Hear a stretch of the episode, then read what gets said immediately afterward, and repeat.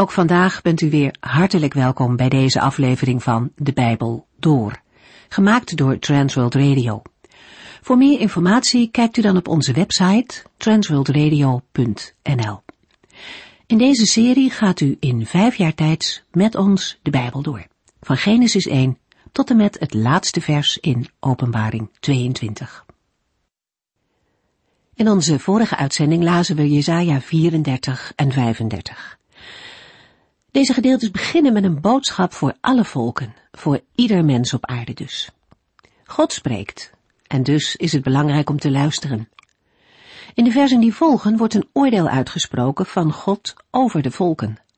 Hun keuze om niet op de Heere God te vertrouwen en de strijd aan te gaan met Gods volk is niet vrijblijvend. God zal hen daarom oordelen. De oordeelsprofetie gaat vervolgens dieper in op Edom, dit land is een voorbeeld.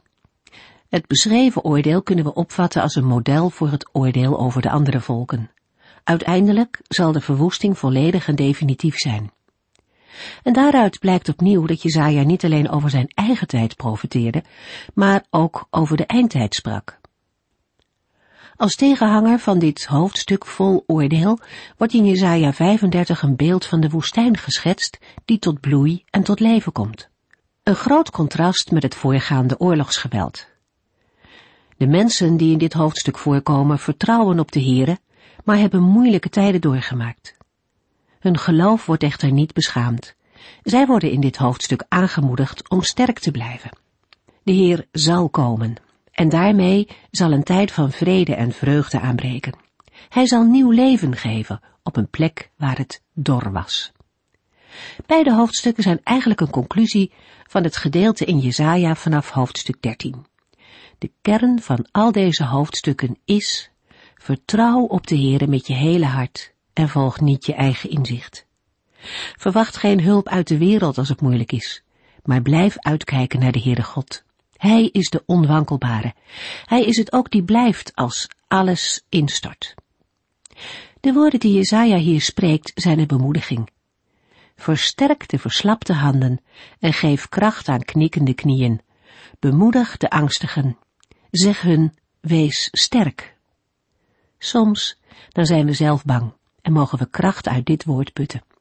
En andere keren mogen we mensen om ons heen daarmee troosten. We lezen verder, Jesaja 36. De geschiedenis, die in Jesaja 36 tot en met 39 staat beschreven, komt vaak letterlijk overeen met 2 Koningen 18 tot en met 20. Al zijn er ook passages die alleen in één van beide Bijbelboeken staan. Het danklied van Hiskia staat alleen in het Bijbelboek Jezaja. In het Bijbelboek Jezaja ontbreekt de introductie van de regering van koning Hiskia, als ook de geschiedenis van Lagis en het betalen van belasting aan de koning van Assyrië. In Jezaja ontbreekt ook de algemene informatie over Hiskia en zijn overlijden. De informatie over de vijgenkoek of de plak gedroogde vijgen en de zonnewijzer staan iets anders in het Bijbelboek Jezaja. In het Bijbelboek Kronieken, waarin de regering van Hiskia ook wordt beschreven, ligt de nadruk op de godsdienstige hervorming, het herstel van de tempel en de viering van het Pascha. Terwijl de belegering van Jeruzalem door Sanherib en het gezantschap uit Babel veel beknopter worden beschreven dan in de beide andere Bijbelboeken. In alle drie de gevallen hangt de weergave af van de doelstellingen van de Bijbelboeken. Koningen wil namelijk laten zien hoe vertrouwen op de Heere wordt gezegend en goddeloosheid gestraft wat in overeenstemming is met wat de Heer heeft gezegd in Deuteronomium. Het onderhouden van Gods wetten brengt zegen, maar het overtreden van zijn wetten zal oordeel brengen. In het Bijbelboek Koningen ligt de nadruk op het vertrouwen van Hiskia op de Heere en op de redding, maar ook op de gevreesde wegvoering naar Babel. In het Bijbelboek Kronieken, een Bijbelboek wat geschreven is toen de ballingschap al achter de rug was, ligt de focus meer op de eredienst en op de trouw van God dan op de afval van het volk. Recent Bijbelonderzoek maakt steeds duidelijker dat de geschiedenis van Hiskia een cruciale rol speelt in de compositie van het Bijbelboek Jesaja. In Jesaja staan twee passages waarin de relatie wordt weergegeven met een koning van het tweestammenrijk Juda. Het gaat om de koningen Agas en Hiskia, waarbij er ongeveer dertig jaar tussen de beide gebeurtenissen ligt. Vanwege de overeenkomsten vallen de verschillen ook op. Agas vertrouwt niet op de Heere, terwijl Hiskia dat wel doet. Voor de compositie van het Bijbelboek Jezaja is het van belang dat Jezaja wel het latere oordeel door Asser aankondigt, maar ook vermeldt dat Assur weer ten onder zal gaan. Hetzelfde verloop zien we bij Babel. Eerst zal Babel Jeruzalem veroveren, maar daarna gaat Babel ten onder. De tweede geschiedenis over Sanherib en Hiskia wordt uitvoeriger weergegeven dan de eerste vanwege de grotere consequenties, zoals uit het vervolg van het Bijbelboek blijkt. De impliciete boodschap is, zoals de Heere uitkomst gaf bij de dreiging van de vijanden, zo zal hij dat in de toekomst weer doen. Dan zal er ook verlossing komen van de Babyloniërs. Jesaja 36 vers 1 In het veertiende regeringsjaar van koning Hiskia trok koning Sanherib van Assur ten strijde tegen de ommuurde steden van Juda en veroverde ze. In vers 1 is sprake van het veertiende jaar van koning Hiskia. Uitleggers zijn er tegenwoordig vrij zeker van dat het daarbij om het jaar 701 voor Christus gaat. In vers 1 worden ook de steden van Juda genoemd. Het is interessant dat ook een oude bronzen inscriptie uit Zuid-Arabië melding maakt van de steden van Juda. Dit bevestigt de ouderdom van de uitdrukking en geeft tegelijk aan dat er in die tijd uitgebreide handelscontacten waren. Koning Sanherib van Assur kwam als een vloedgolf op de steden van Juda af. Hij had elk volk en iedere stad die hij tegenkwam met zijn leger overwonnen. Jesaja 36 vers 2 Toen zond hij zijn persoonlijke vertegenwoordiger met een groot leger vanuit Lachis naar Jeruzalem, om daar met koning Hiskia te onderhandelen. Hij sloeg zijn kamp op bij de waterleiding van de hoogst gelegen bron langs de kant van de weg naar het bleekveld. Uit 2 Koningen 18 weten we dat koning Hiskia heeft geprobeerd de Assyrische aanval af te kopen. Hij haalde het goud en zilver uit de tempel om aan de buitensporige eisen van Sanherib te voldoen. Maar het haalde niets uit, want nu stond het Assyrische leger toch voor de muren van Jeruzalem. Sanherib kwam niet zelf, maar stuurde zijn persoonlijke vertegenwoordiger met een groot leger naar Jeruzalem. De stad wordt nu door een sterk leger bedreigd en is van de buitenwereld afgesloten. Jesaja 36 vers 3 De hofmaarschalk Eljakim, de zoon van Gilkia, Sepna, de secretaris van de koning, en de kanselier Joach, de zoon van Asaf, verlieten de stad om met hem te onderhandelen over een wapenstilstand. Hiskia stuurt een delegatie om met de persoonlijke vertegenwoordiger van Sanherib te onderhandelen. Jesaja 36 vers 4 tot en met 6 De Assyrische gezant droeg hun op terug te gaan en Hiskia de volgende boodschap over te brengen. De machtige koning van Assur zegt dat het onverstandig van u is te denken dat de koning van Egypte u te hulp zal komen. Wat zijn de beloften van de farao waard? Woorden zijn waardeloos als er kracht nodig is. Maar toch vertrouwt u op hem voor hulp en bent u tegen mij in opstand gekomen. Egypte is een onbetrouwbare bondgenoot. Het is een scherpe stok die uw hand zal doorboren als u erop leunt. Ieder die zich tot dit land wendde om hulp, heeft dat ondervonden. Uit 2 Koningen 18 weten we dat de Assyrische afgezant Hebreeuws heeft gesproken. Hij geeft aan dat Hiskia zich beter kan overgeven, want van Egypte hoeft hij geen hulp te verwachten. Jesaja 36, vers 7 tot en met 10. Maar misschien zegt u, wij vertrouwen op de Heer onze God. Maar is hij niet degene die door uw koning werd beledigd, toen die zijn tempels en altaren in de heuvels liet weghalen, en iedereen in Juda alleen bij de altaren in Jeruzalem liet aanbidden? Mijn meester, de koning van Assur, wil een weddenschap met u sluiten.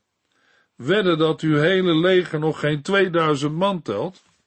Als dat wel zo is, dan zal hij er 2000 paarden geven om te bereiden. Hoe denkt u met zo'n schamel legertje ook maar één aanval van het minst sterke onderdeel van het leger van mijn meester te kunnen afslaan? Want u zult geen hulp vanuit Egypte krijgen. En wat meer is, denkt u dat ik hierheen ben gekomen zonder dat de Heere mij daartoe opdracht heeft gegeven? Hij zei tegen mij, ga daarheen en vernietig het. De Assyrische onderhandelaar raakt een gevoelige snaar als hij begint over vertrouwen op de Heere.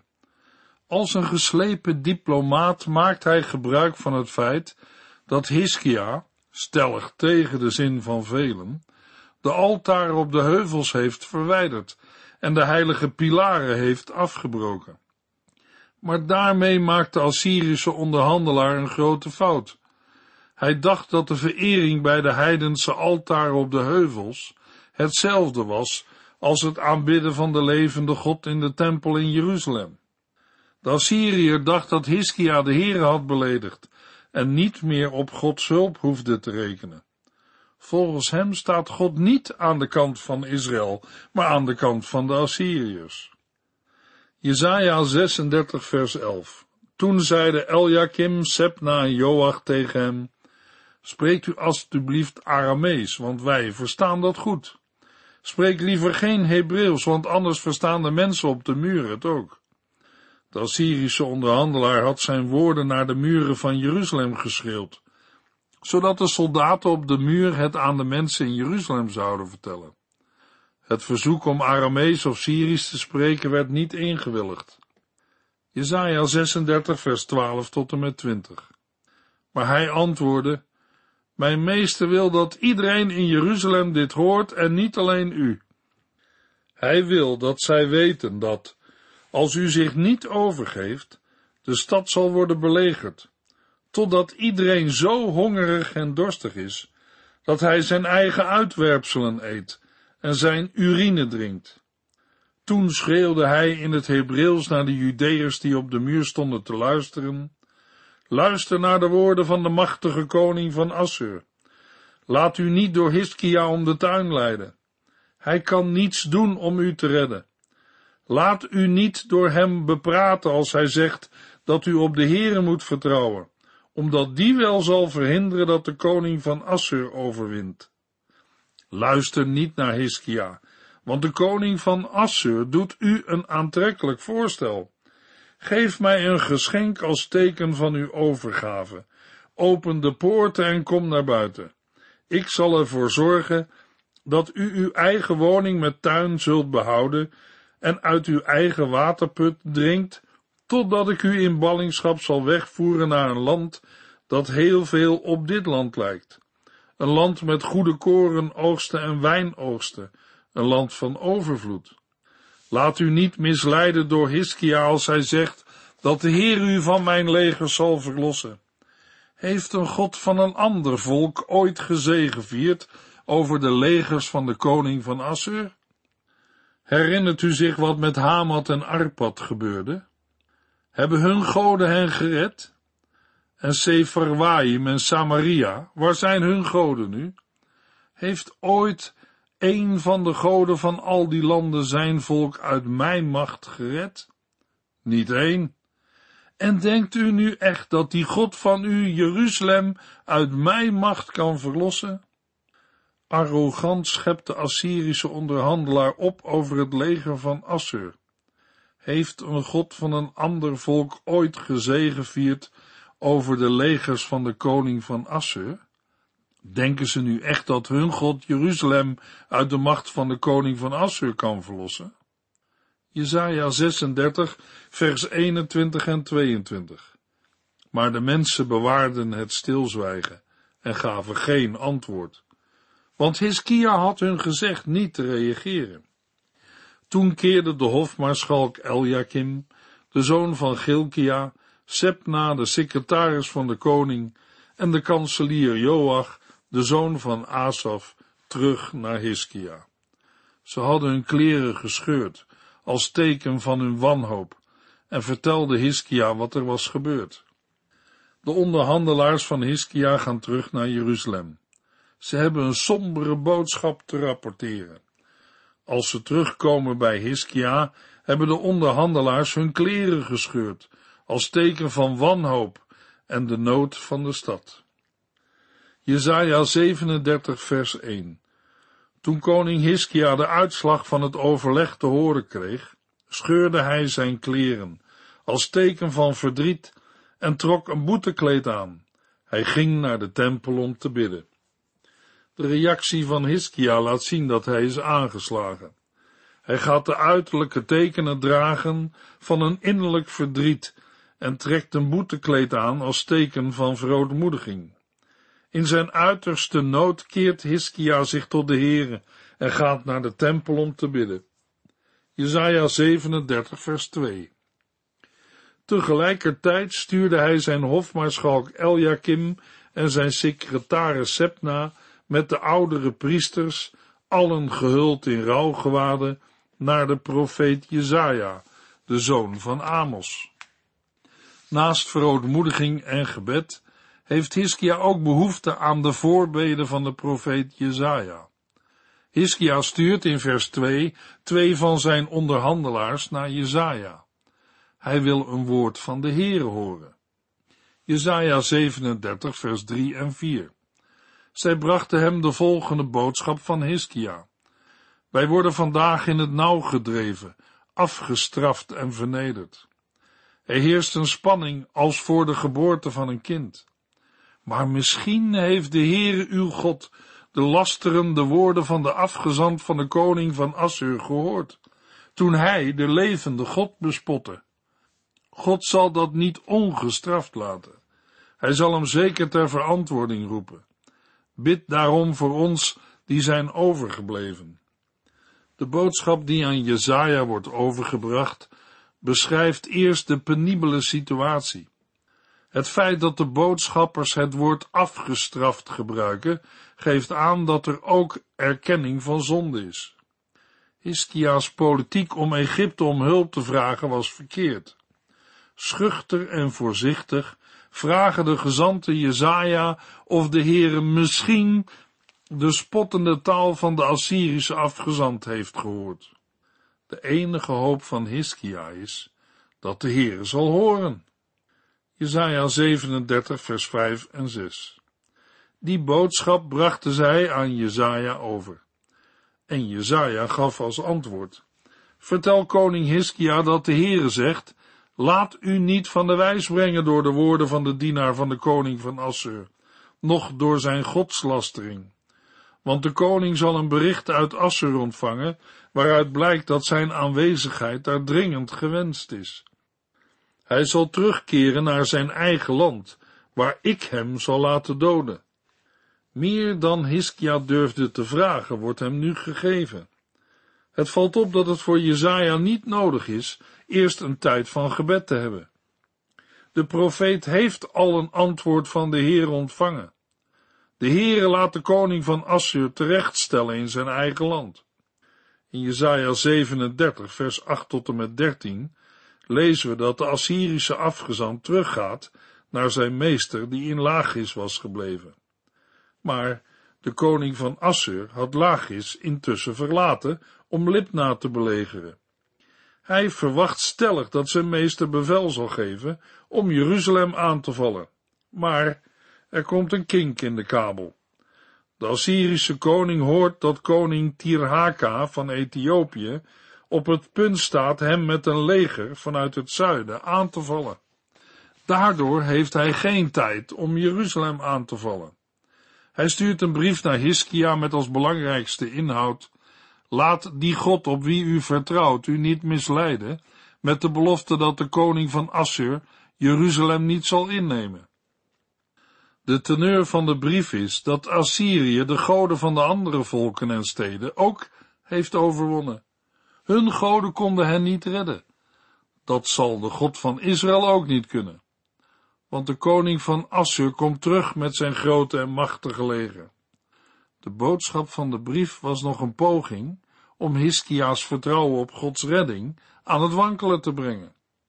Jesaja 37 vers 14 tot en met 17 Onmiddellijk nadat koning Hiskia deze brief had gelezen, ging hij ermee naar de tempel en spreidde hem uit voor de Heere en bad met de woorden, Och Heere van de hemelse legers, God van Israël, die troont boven de Gerubs, u alleen bent de God van alle koninkrijken op aarde. U alleen maakte de hemel en de aarde. Luister als ik smeek, kijk naar mij als ik bid. Kijk naar deze brief van koning Sanherib, want hij heeft de levende God bespot. In de versen 14 tot en met 20 lezen we over het gebed dat Hiskia heeft gebeden nadat hij de brief had ontvangen en gelezen. Hiskia spreekt een gebed uit in de tempel, waar hij de brief voor het aangezicht van de Heere neerlegde. Het gebed beweegt zich om de gedachte dat duidelijk mag blijken dat de Heere alleen God is, in tegenstelling tot de afgoden. In 2 Kronieken 32 lezen we meer over de bespotting van de Heere door Sanherib. In 2 Kronieken 32 vers 17 tot en met 20 lezen we Koning Sanherib stuurde ook brieven waarin hij de Heere, de God van Israël, belachelijk maakte. De goden van alle andere volken slaagden er niet in hun volken uit mijn handen te redden. En ook de God van Jehiskia zal dat niet lukken. De boodschappers die de brieven brachten, riepen in het Hebreeuws dreigementen tegen de mensen op de stadsmuren, in een poging hun moreel te ondermijnen. Ze praten over de God van Jeruzalem alsof hij een van de heidense goden was, een door mensen gemaakte afgod. Koning Jehiskia en de profeet Jezaja, de zoon van Amos, riepen toen in gebed tot God in de hemel. De Heer is niet te vergelijken met de afgoden. Geen enkele Israëliet geloofde dat God een plaatselijke godheid was die in de tempel van Jeruzalem woonde. Koning Salomo bidt in 1 Koningen 8 vers 27, is het echt wel mogelijk dat u op aarde zou willen wonen? Zelfs de hoogste hemelen kunnen u niet bevatten, laat staan deze tempel die ik heb gebouwd. Elke Israëliet erkende dat de Heere de God van de hemelse legers was, de schepper van hemel en aarde. Hiskia pleit voor het aangezicht van de levende God, of hij zijn volk wil verlossen van de dreigende Assyriërs.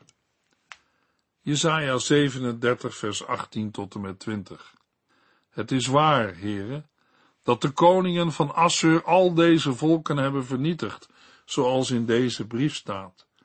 Zij wierpen hun goden in het vuur, want het waren geen goden, maar slechts beelden die mensen hadden gemaakt van hout en steen. Natuurlijk konden de Assyriërs dergelijke goden vernietigen, maar Heer, onze God, red ons toch van zijn macht. Dan zullen alle koninkrijken op aarde weten dat u God bent, u alleen. Hiskia raakt de kern van de zaak. De goden van de volken die Assur had vernietigd, waren geen goden. Elke vergelijking van de Heere met deze goden gaat mank. Hiskia bidt om verlossing door de Heere.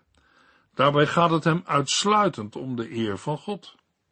In het vervolg, in Jesaja 37 vers 21 tot en met 29, spreekt de profeet Jesaja een gedicht uit, waarin hij zegt dat de veroveringen van Assyrië alleen het uitvloeisel zijn van het raadsbesluit van de Heere.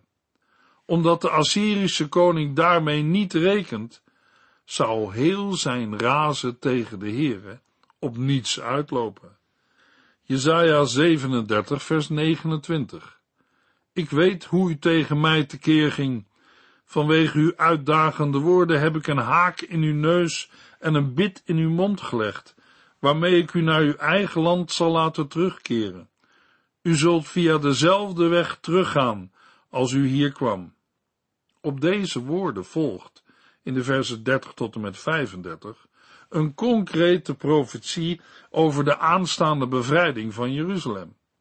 De Heere geeft door de profetie van Jezaja een bemoediging en kracht aan de benauwde koning Hiskia. De Heere zegt in Jezaja 37, vers 35, ik zal deze stad beschermen, haar redden ter wille van mijn naam en die van mijn dienaar David. De belofte aan David moet worden vervuld.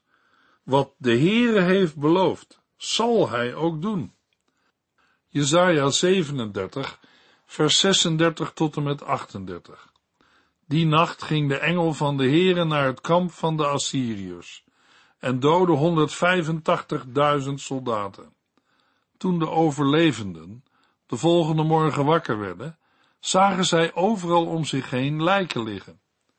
Toen keerde koning Sanherib van Assur naar zijn eigen land, naar zijn woonplaats Nineveh terug. Op een dag, toen hij bad in de tempel van zijn god Nisroch, doodden zijn zonen, Adramelech en Sarezer, hem met hun zwaarden. Zij ontkwamen naar het land Ararat, en de zoon van Sanherib, Ezar Haddon, volgde hem als koning op. Sanherib werd gedwongen tot een overhaaste aftocht, doordat in zijn leger de pest uitbrak. De Heere kwam zijn volk te hulp. We lezen ook dat Sanherib later, mogelijk twintig jaar later, door een sluipmoord op een gewelddadige manier aan zijn einde is gekomen. Niemand kan ongestraft de God van Israël beledigen en minachten. Daarbij mogen ook wij bedenken dat de Heere niet uit is op de ondergang van de zondaar, maar op zijn of haar redding. In de volgende uitzending lezen we Jesaja 38 en 39. U heeft geluisterd naar De Bijbel Door, in het Nederlands vertaald en bewerkt door Transworld Radio. Een programma waarin we in vijf jaar tijd de hele Bijbel doorgaan. Als u wilt reageren op deze uitzending of u heeft vragen, dan kunt u contact met ons opnemen. Tijdens kantooruren kunt u bellen op 0342 47 8432. 0342 47 8432.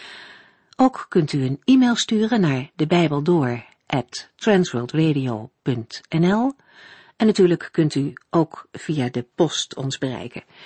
TWR, postbus 371, postcode 3770, AJ in Barneveld.